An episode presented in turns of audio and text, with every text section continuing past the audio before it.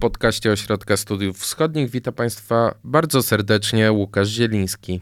Dziś porozmawiamy o operacji kontrwywiadowczej służb ukraińskich wymierzonej w struktury ukraińskiego kościoła prawosławnego Patriarchatu Moskiewskiego. Interwencję uzasadniono koniecznością zapobiegania i ograniczania działalności dywersyjnej. Co to oznacza dla dalszej działalności tego kościoła i czy władze Ukrainy przymierzają się do ostatecznego rozprawienia się z wpływami rosyjskimi w sferze wyznaniowej? Ze mną jest ekspertka Ośrodka Studiów Wschodnich Jadwiga Rogorza. Dzień dobry. Dzień dobry. To jest podcast Ośrodka Studiów Wschodnich.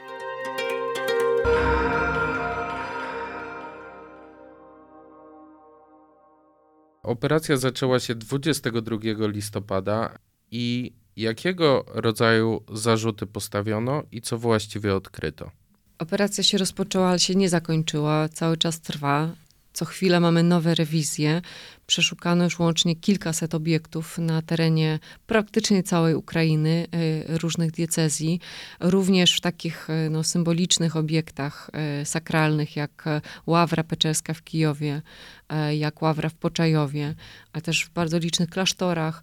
Także mamy bardzo szeroko zakrojoną operację, w toku której znaleziono wiele ciekawych rzeczy, przy czym no, nie jest to nic nowego, tak? dlatego że znajdowano materiały prorosyjskie, znajdowano środki finansowe, znajdowano różne y, informacje kompromitujące, nawet takie rzeczy jak y, paszporty rosyjskie, a nawet radzieckie y, legitymacje wojskowe, więc tutaj potwierdziły się te, te wszystkie przypuszczenia, które łączono z patriarchatem moskiewskim przez, przez cały okres jego istnienia, że to jest taka trochę przykrywka dla, e, dla e, rosyjskiej agentury, dla rosyjskich służb specjalnych. Natomiast, tak jak powiedziałam, to jest e, sprawa nie nowa. No Nowa no jest raczej ta operacja służb ukraińskich, która, która teraz wydaje się mieć po pierwsze charakter taki systemowy, a po drugie zmierzać do podjęcia już takich kroków ostatecznych wobec, wobec tej cerkwi. Czemu zrobiono to dopiero teraz? Na to jest kilka odpowiedzi różnych, dlatego że no, taka oczywista, nasuwająca się odpowiedź jest taka, że e, po tej pełnoskalowej agresji e, e, rosyjskiej ta cerkiew straciła sympatię wiernych absolutna większość, e, e, nawet, nawet parafian Patriarchatu Moskiewskiego uważa, że ona powinna się absolutnie odciąć od Moskwy, ale też ludzie się przekierowują swoją, swoje no, sympatie czy swoje powiązania do innego prawosławnego autokefalicznego kościoła ukraińskiego. Cerkiew Patriarchatu Moskiewskiego straciła również wpływowych patronów. E, oligarchów finansujących e, e, tę cerkiew, zasiadających też w parlamencie posłów. Nieoficjalnie oczywiście się też mówiło, że jej wpływy są silne i właściwie przenikają bardzo wiele urzędów państwowych, łącznie z samą Służbą Bezpieczeństwa Ukrainy bo to były zarówno takie wpływy agenturalne, jak też po prostu fakt przynależności do tej cerkwi, bardzo wielu urzędników państwowych. No zanim powstała autokefaliczna e, ukraińska, e, Kościół Prawosławny Ukrainy w XIX roku dopiero, po nadaniu przez Konstantynopol Tomosu, większość y, polityków należała właśnie do tego kościoła, który był tym jedynym kanonicznym e, kościołem z trzech dużych kościołów prawosławnych na Ukrainie.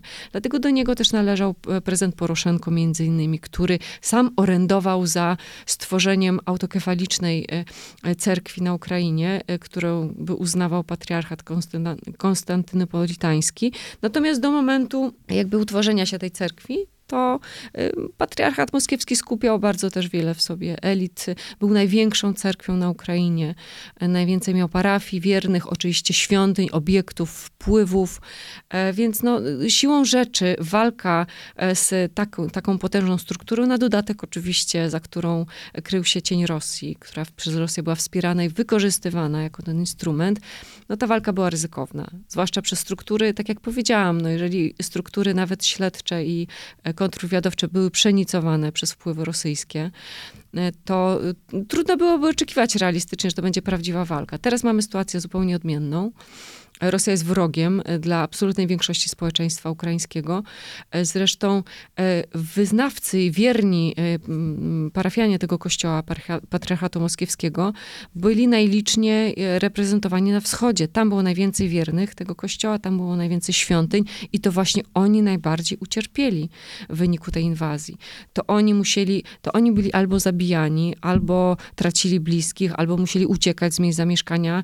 Oni patrzyli na te bestialstwa, które się się tam działy, to również świątynie były uszkadzane czy rujnowane, tak jak na przykład Ławra Świętogórska była mhm. ostrzelana rakietami rosyjskimi, e, więc no, siłą rzeczy e, ta cerkiew straciła e, no, bazę społeczną.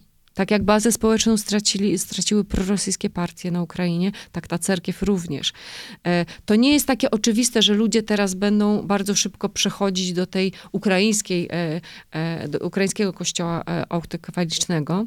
Bo bardzo często ludzie po prostu całe życie chodzą do swojego lokalnego kościoła, nie zawsze nawet wiedząc, do którego patriarchatu należał.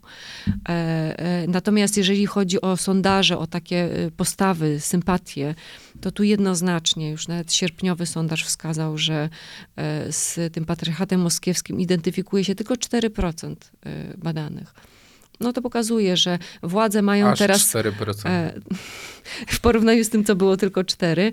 To pokazuje też, że władze mają doskonały mandat silny do tego, żeby taką operację przeprowadzić, żeby zlikwidować coś, co uznawano za e, ośrodek wrogi, ale również, żeby zyskać dodatkowo no, poparcie społeczne, walcząc z Rosją na kolejnej płaszczyźnie.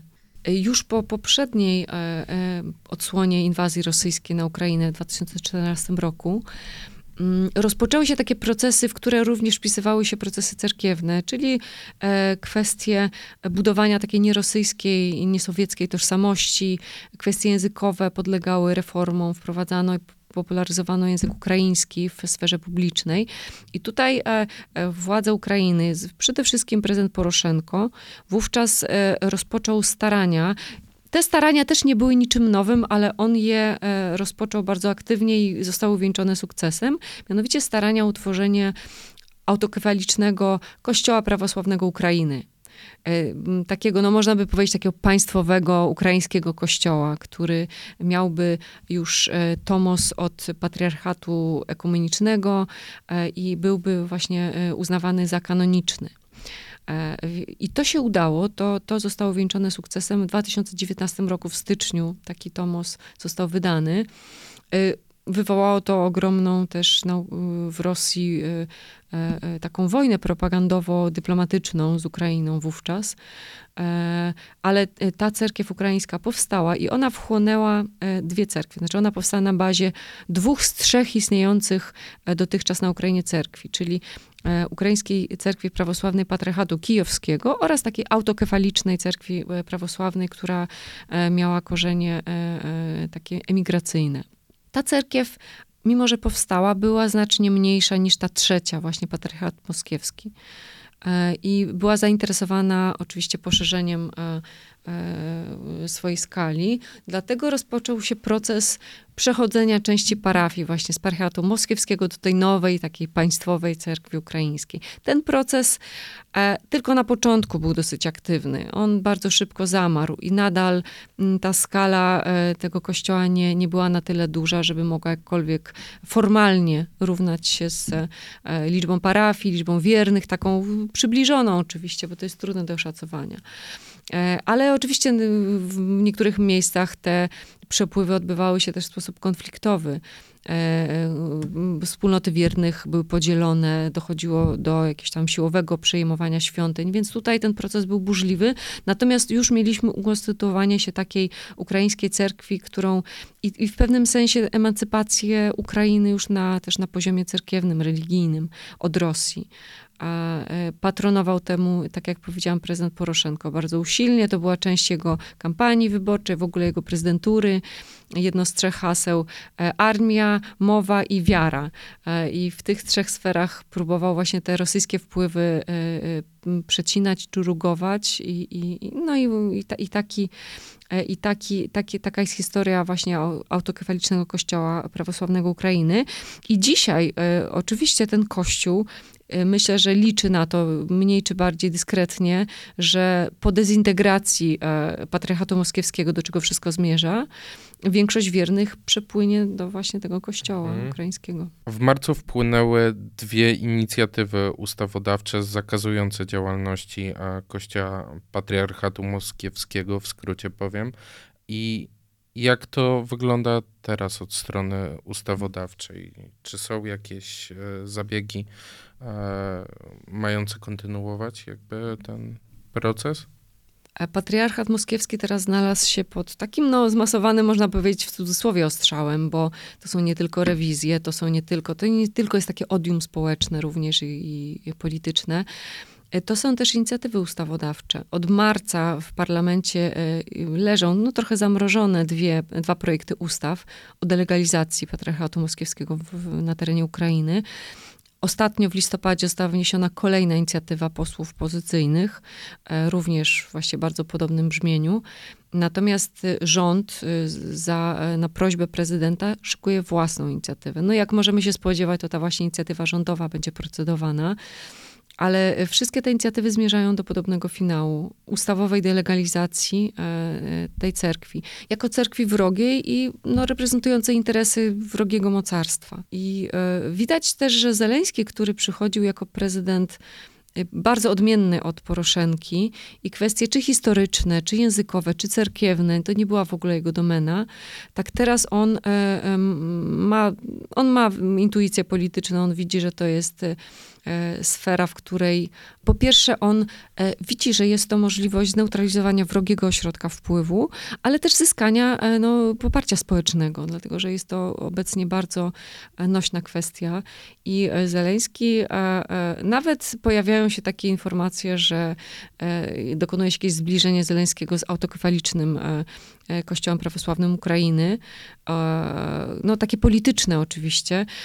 Zeleński ostatnio ogłosił, że E, ma teraz doradcę do spraw religijnych, to jest znany religioznawca, szanowany i że bardzo się interesuje tymi kwestiami. Widzimy, że Zeleński, który jako prezydent no, dokonuje e, ciekawej e, metamorfozy w wielu kwestiach, językowych również, takich świadomościowych, że tutaj również uznał, że jako prezydent tego państwa, bez względu na jego wcześniejsze poglądy czy stanowisko, czy nawet takie właśnie podejście satyryczne do wielu sakralnych dla Ukraińców kwestii, bezlitosnie wyśmiewał takie kwestie, dzisiaj jako prezydent on uznał, że będzie to dla niego doskonały kolejny filar jego rządów, tak? Czyli e, ta państwowa cerkiew, która będzie umocniona poprzez e, nie tylko neutralizację wrogiej cerkwi, ale też e, poprzez wchłonięcie przypuszczalnie parafian, świątyń i innych, innych symboli. A jakie są nastroje w tym patriarchacie moskiewskim?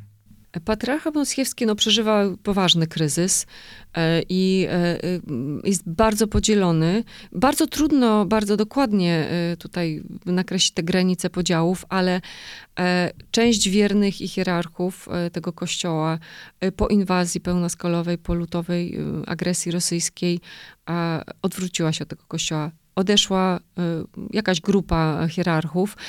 Wielu wiernych odwróciło się w od, od, od tej koncepcji, jaką ta cerkiew prezentowała. E, natomiast y, wydaje się, że zwłaszcza czołówka, zwłaszcza czołówka hierarchów tej cerkwi przeczekuje. E, przeczekuje wojnę, e, czeka na ostateczne wyniki tej wojny próbując nie podejmować żadnych kroków, które byłyby jakoś nie do odwrócenia tacy najbardziej prorosyjscy, w oczywisty sposób zaangażowani w działania prorosyjskie, pouciekali z Ukrainy albo na Krym, albo do Rosji, albo na te terytoria okupowane. Więc to jest jedna kwestia. Natomiast ci, którzy pozostali, wydają się przeczekiwać.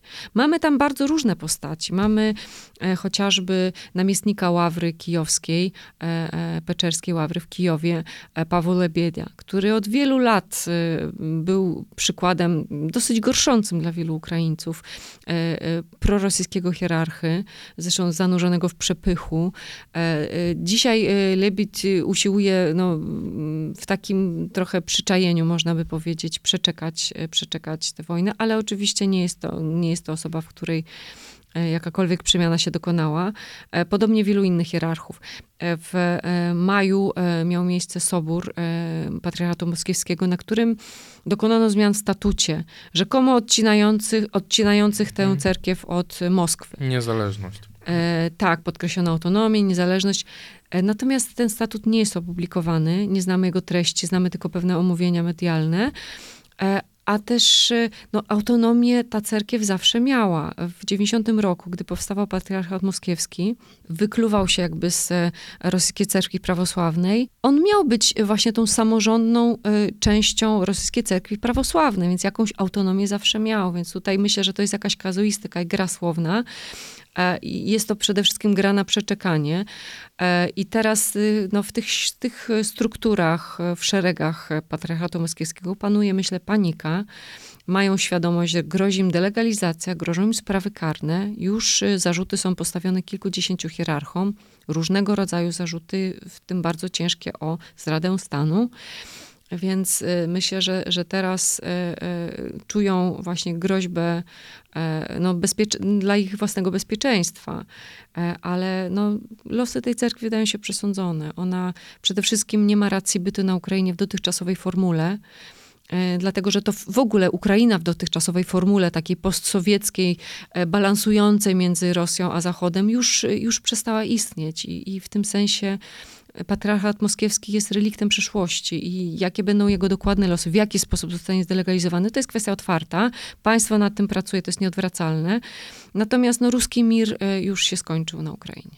Pełny tekst e, autorstwa Jadwigi e, Rogorzy i Piotra Rzechowskiego możecie Państwo przeczytać na stronie osw.waw.pl. Bardzo Ci dziękuję za rozmowę. Dziękuję bardzo.